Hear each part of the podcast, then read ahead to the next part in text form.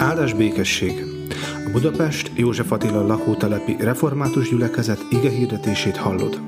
Ha szeretnél többet megtudni közösségünkről, látogass el Facebook oldalunkra facebook.com per Joltref. Isten áldjon!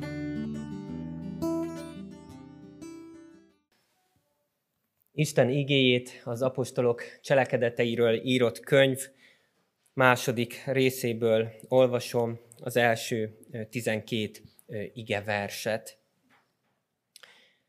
Amikor pedig eljött a pünkös napja, és minnyáján együtt voltak ugyanazon a helyen, hirtelen hatalmas szélrohamhoz hasonló zúgás támadt az égből, amely betöltötte az egész házat, ahol ültek. Majd valami lángnyelvek jelentek meg előttük, amelyek szétoszlottak és leszálltak mindegyikükre. Minnyáján megteltek Szentlélekkel, és különféle nyelveken kezdtek beszélni úgy, ahogyan a lélek adta nekik. Úgy, hogy szóljanak. Sok kegyes zsidó férfi tartózkodott akkor Jeruzsálemben azok közül, akik a föld minden nemzetek között éltek. Amikor a zúgás támadt, összefutott ez a sokaság, és nagy zavar keletkezett, mert mindenki a maga nyelvén hallotta őket beszélni. Megdöbbentek és csodálkozva mondták, íme akik beszélnek, nem valamennyien Galileából valók-e? Akkor hogyan hallhatja őket mindegyikünk a maga anyanyelvén? Pártusok, médek és elámíták, és akik Mezopotámiában laknak, vagy Júdeában és Kappadóciában, Pontusban és Ázsiában, Frígiában és Pamfíliában, Egyiptomban és Líbia vidékén, amely Ciréné mellett van, és a római jövevények, zsidók és prozeliták, krétaiak és arabok. Halljuk, amint a mi nyelvünkön beszélnek az Isten felséges dolgairól. Álmélkodtak minnyájan, és nagy zavarban kérdezgették egymástól, mi akar ez lenni. Isten tegye áldottá az ő igéjét, hogy az bennünk gyökeret verjen, növekedjen és gyümölcsöt teremjen. Ámen. Kedves testvérek, hadd kezdjem most azzal, hogy jó titeket látni. Erre vágytunk már azt hiszem nagyon régóta, hogy, hogy egy kicsit szabadabban élhessünk. Persze, hogyha talán jobb idő lett volna, akkor még többen is lehettünk volna, meg most vannak olyanok, akik, akik otthon maradtak, és a közvetítést nézik még mindig, de, de jó közösségbe jönni, jó programot szervezni, jó dolog megélni azt az egységet, azt a közösséget, amiről pünkösd ünnepe is szól. Jó olyan programra menni, ami nem a nappalinkhoz van kötve, vagy a, a munkahelyünkhöz, iskolánkhoz, vagy ami nem a bolt, és még kevésbé az orvosi rendelő, vagy a, vagy a kórház. Jó dolog valami olyan programra jönni, ahol, ahol zene van, ahol, ahol beszélgetések vannak, eh, ahol találkozás van, ahol ott van eh, Isten, és, és nem csak tudjuk, hanem valahogy meg is érezzük a keresztény közösségben Istennek a jelenlétét.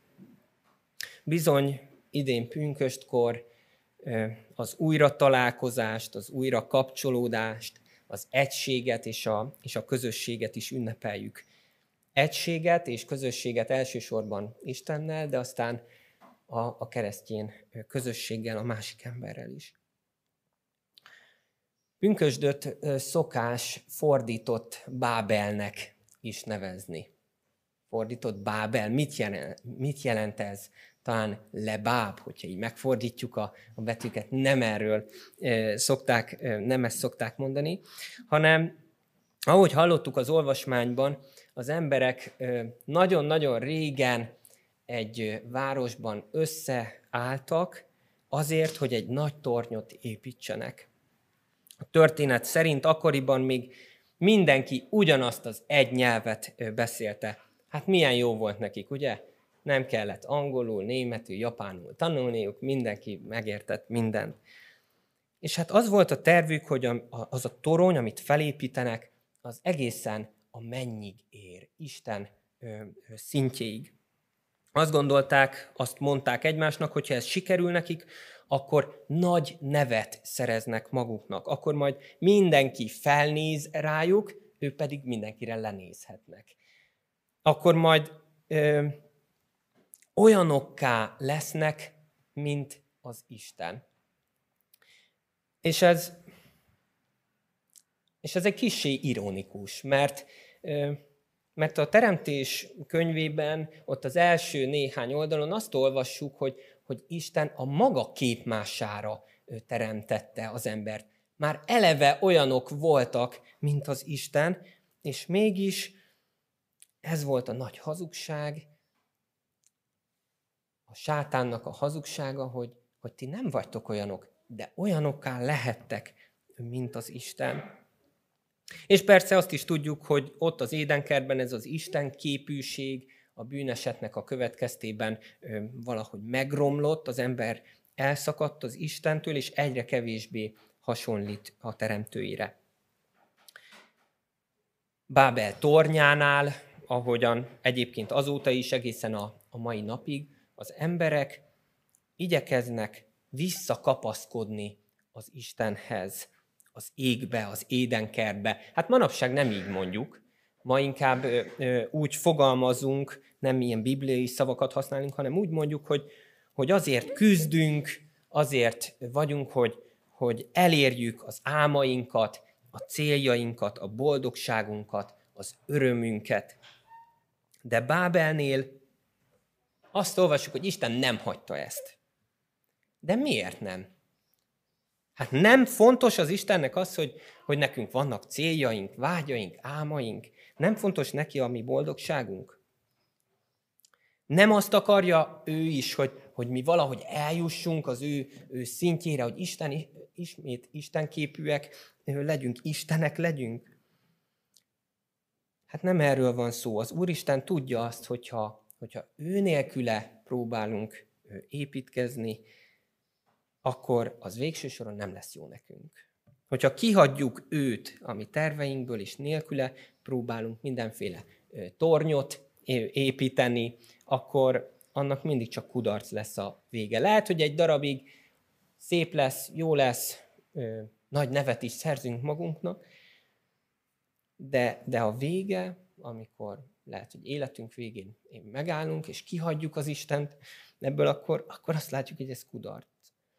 És nem szeretnélek nagyon elkeseríteni titeket, inkább csak egy kérdést szeretnék megfogalmazni, és ezt a kérdést is inkább csak magamnak teszem föl, de így hangosan, hogy, hogy ti is halljátok, hát ha valaki hasonló helyzetben találja magát, hogy milyen terveket szövögetek, milyen projektekben vagyok benne, amiben, amiből úgy kihagyom az Istent.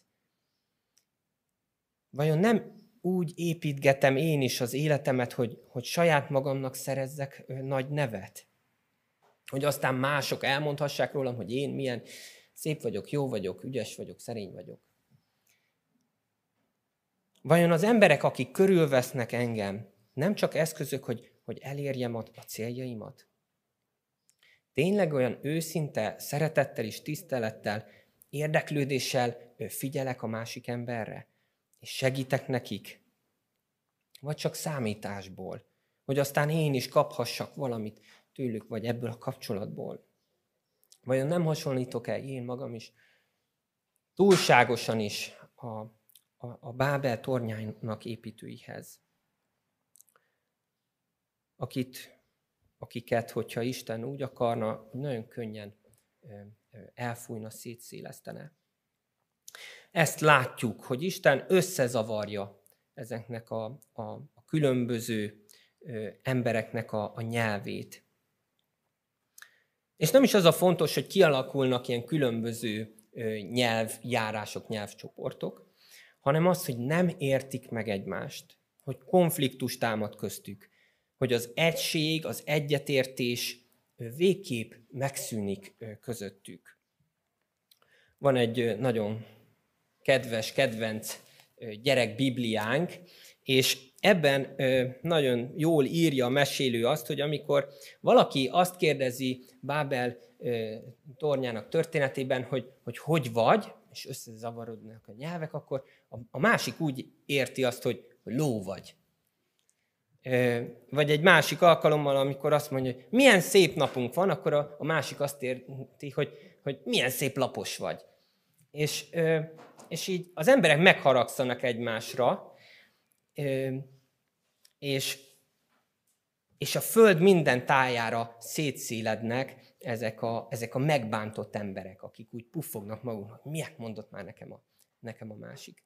Milyen jól ráérez a, a, a lényegre, hogy, hogy nem az volt a baj, hogy, hogy más nyelvek, hanem hogy, hogy nem értették egymást, hogy nem volt egység, hogy nem volt közösség. Pünkösd viszont fordított Bábel, mert pünköskor nem szétszéleszti az Úristen az embereket, hanem összegyűjti őket. A Biblia felsorolja azt a nagyon-nagyon sok helyet, ahonnan érkeztek a, a zarándokok erre a zsidó ünnepre, a zsidó pünkösdre, az aratás ünnepére, ami a 7 hetes páska időszaknak a végét is jelentette egyúttal. Az ilyen felsorolás nekünk lehet, hogy, hogy unalmas, bár hogyha a térképre ránézünk, akkor úgy be lehet lőni, hogy akkor honnan is érkeztek e, ezek, a, ezek az emberek.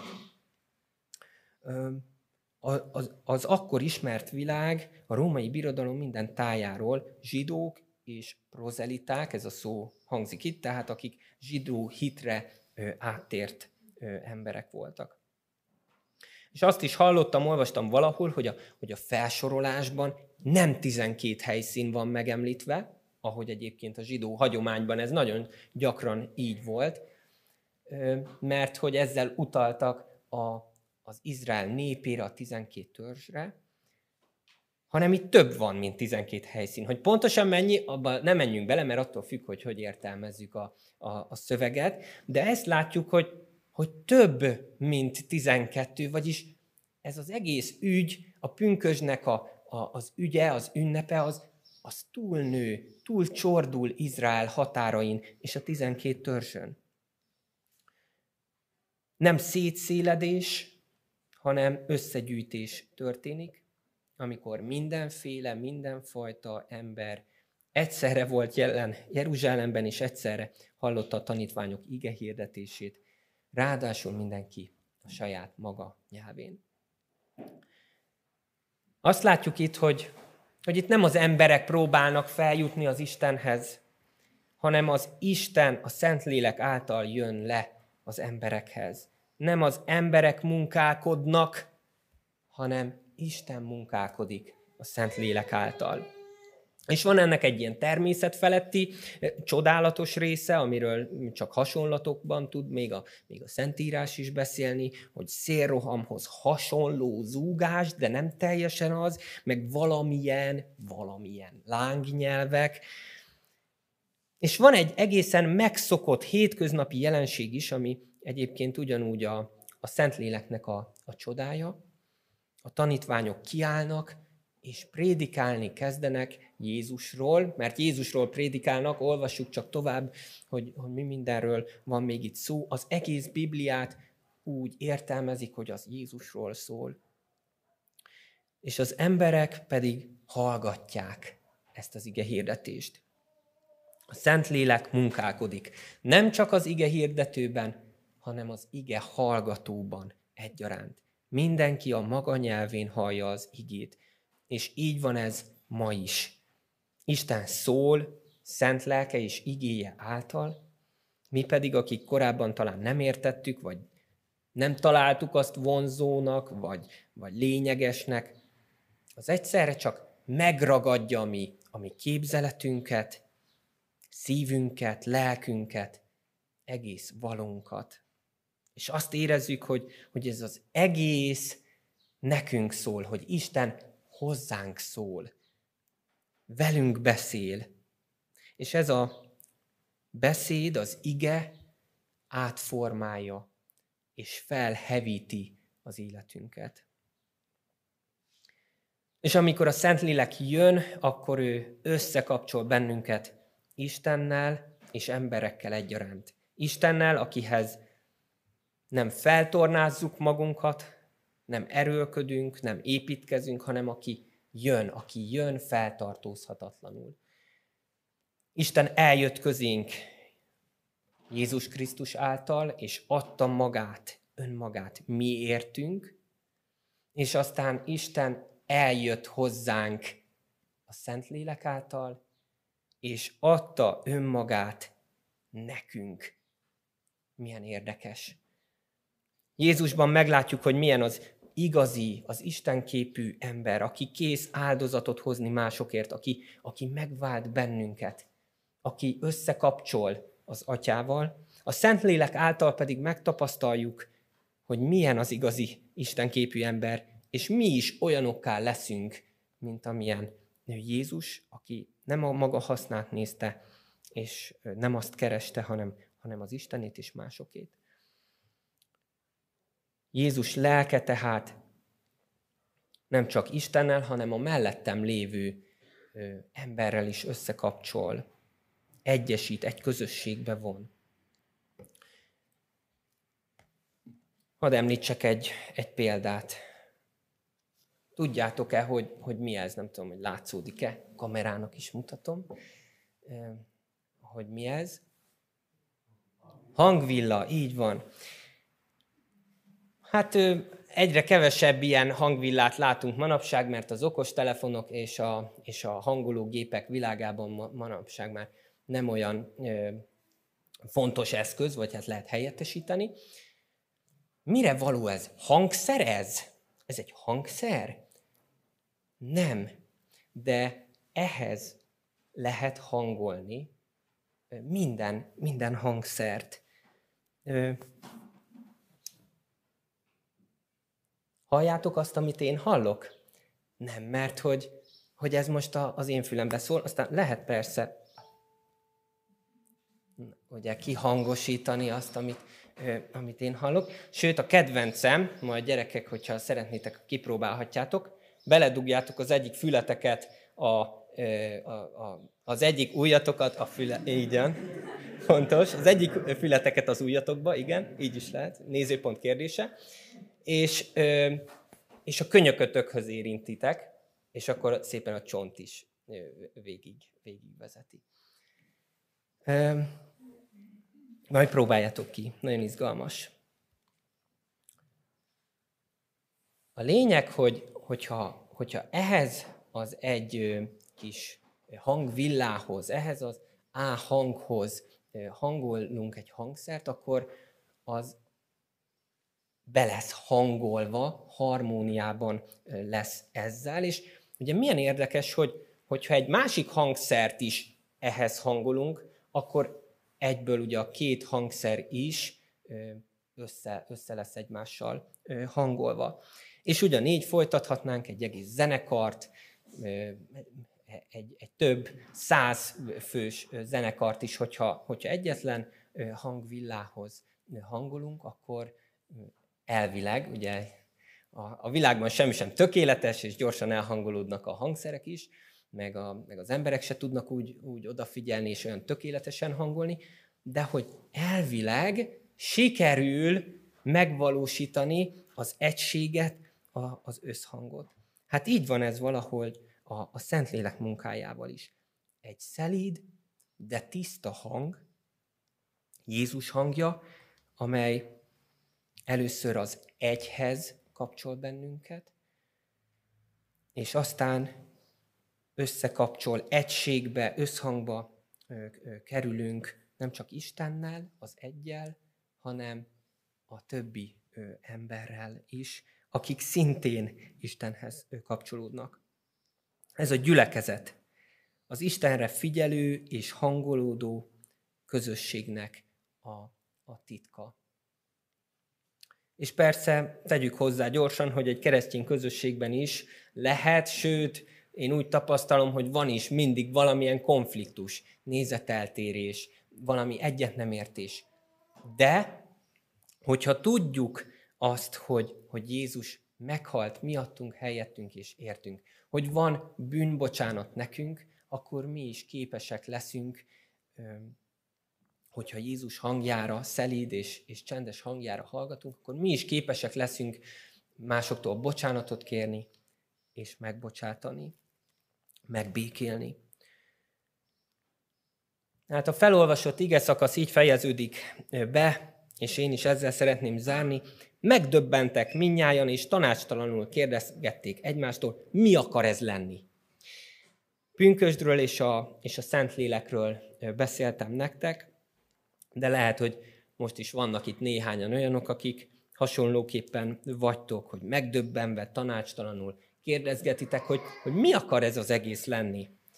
Nem értitek, ö, annyi, annyi kérdés még, még tisztázatlan. A karácsony, meg a, meg, a, meg a húsvét, az hát úgy valahogy érted, hogy Jézus születése, Jézus halála, feltámadása, de az, hogy szent lélek láthatatlan, láthatóvá válik valahogy, de, de hogy is, de mégsem. Hogy van itt a, a Szent Háromságnak a titka, a Szent Léleknek a személye, kicsoda ő, micsoda ő.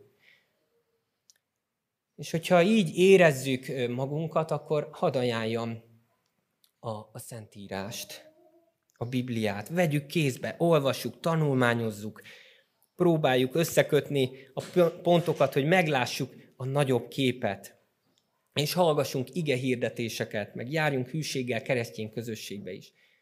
De másrészt, ami talán még ennél is fontosabb, ezt se tegyük önerőből.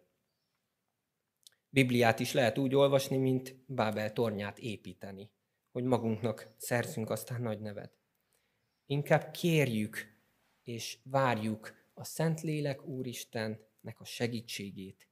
Imádkozzunk azért, hogy mi magunk is lelkes emberré váljunk, akik egységben és harmóniában vannak mind Istennel, mind pedig a körülöttünk lévő emberekkel, és hozzáteszem, mint pedig saját magunkkal. Mert aki jóban van az Istennel, és jóban van a másik emberrel, az talál igazi békességet, az annak megnyugszik az élete, és harmóniában lesz.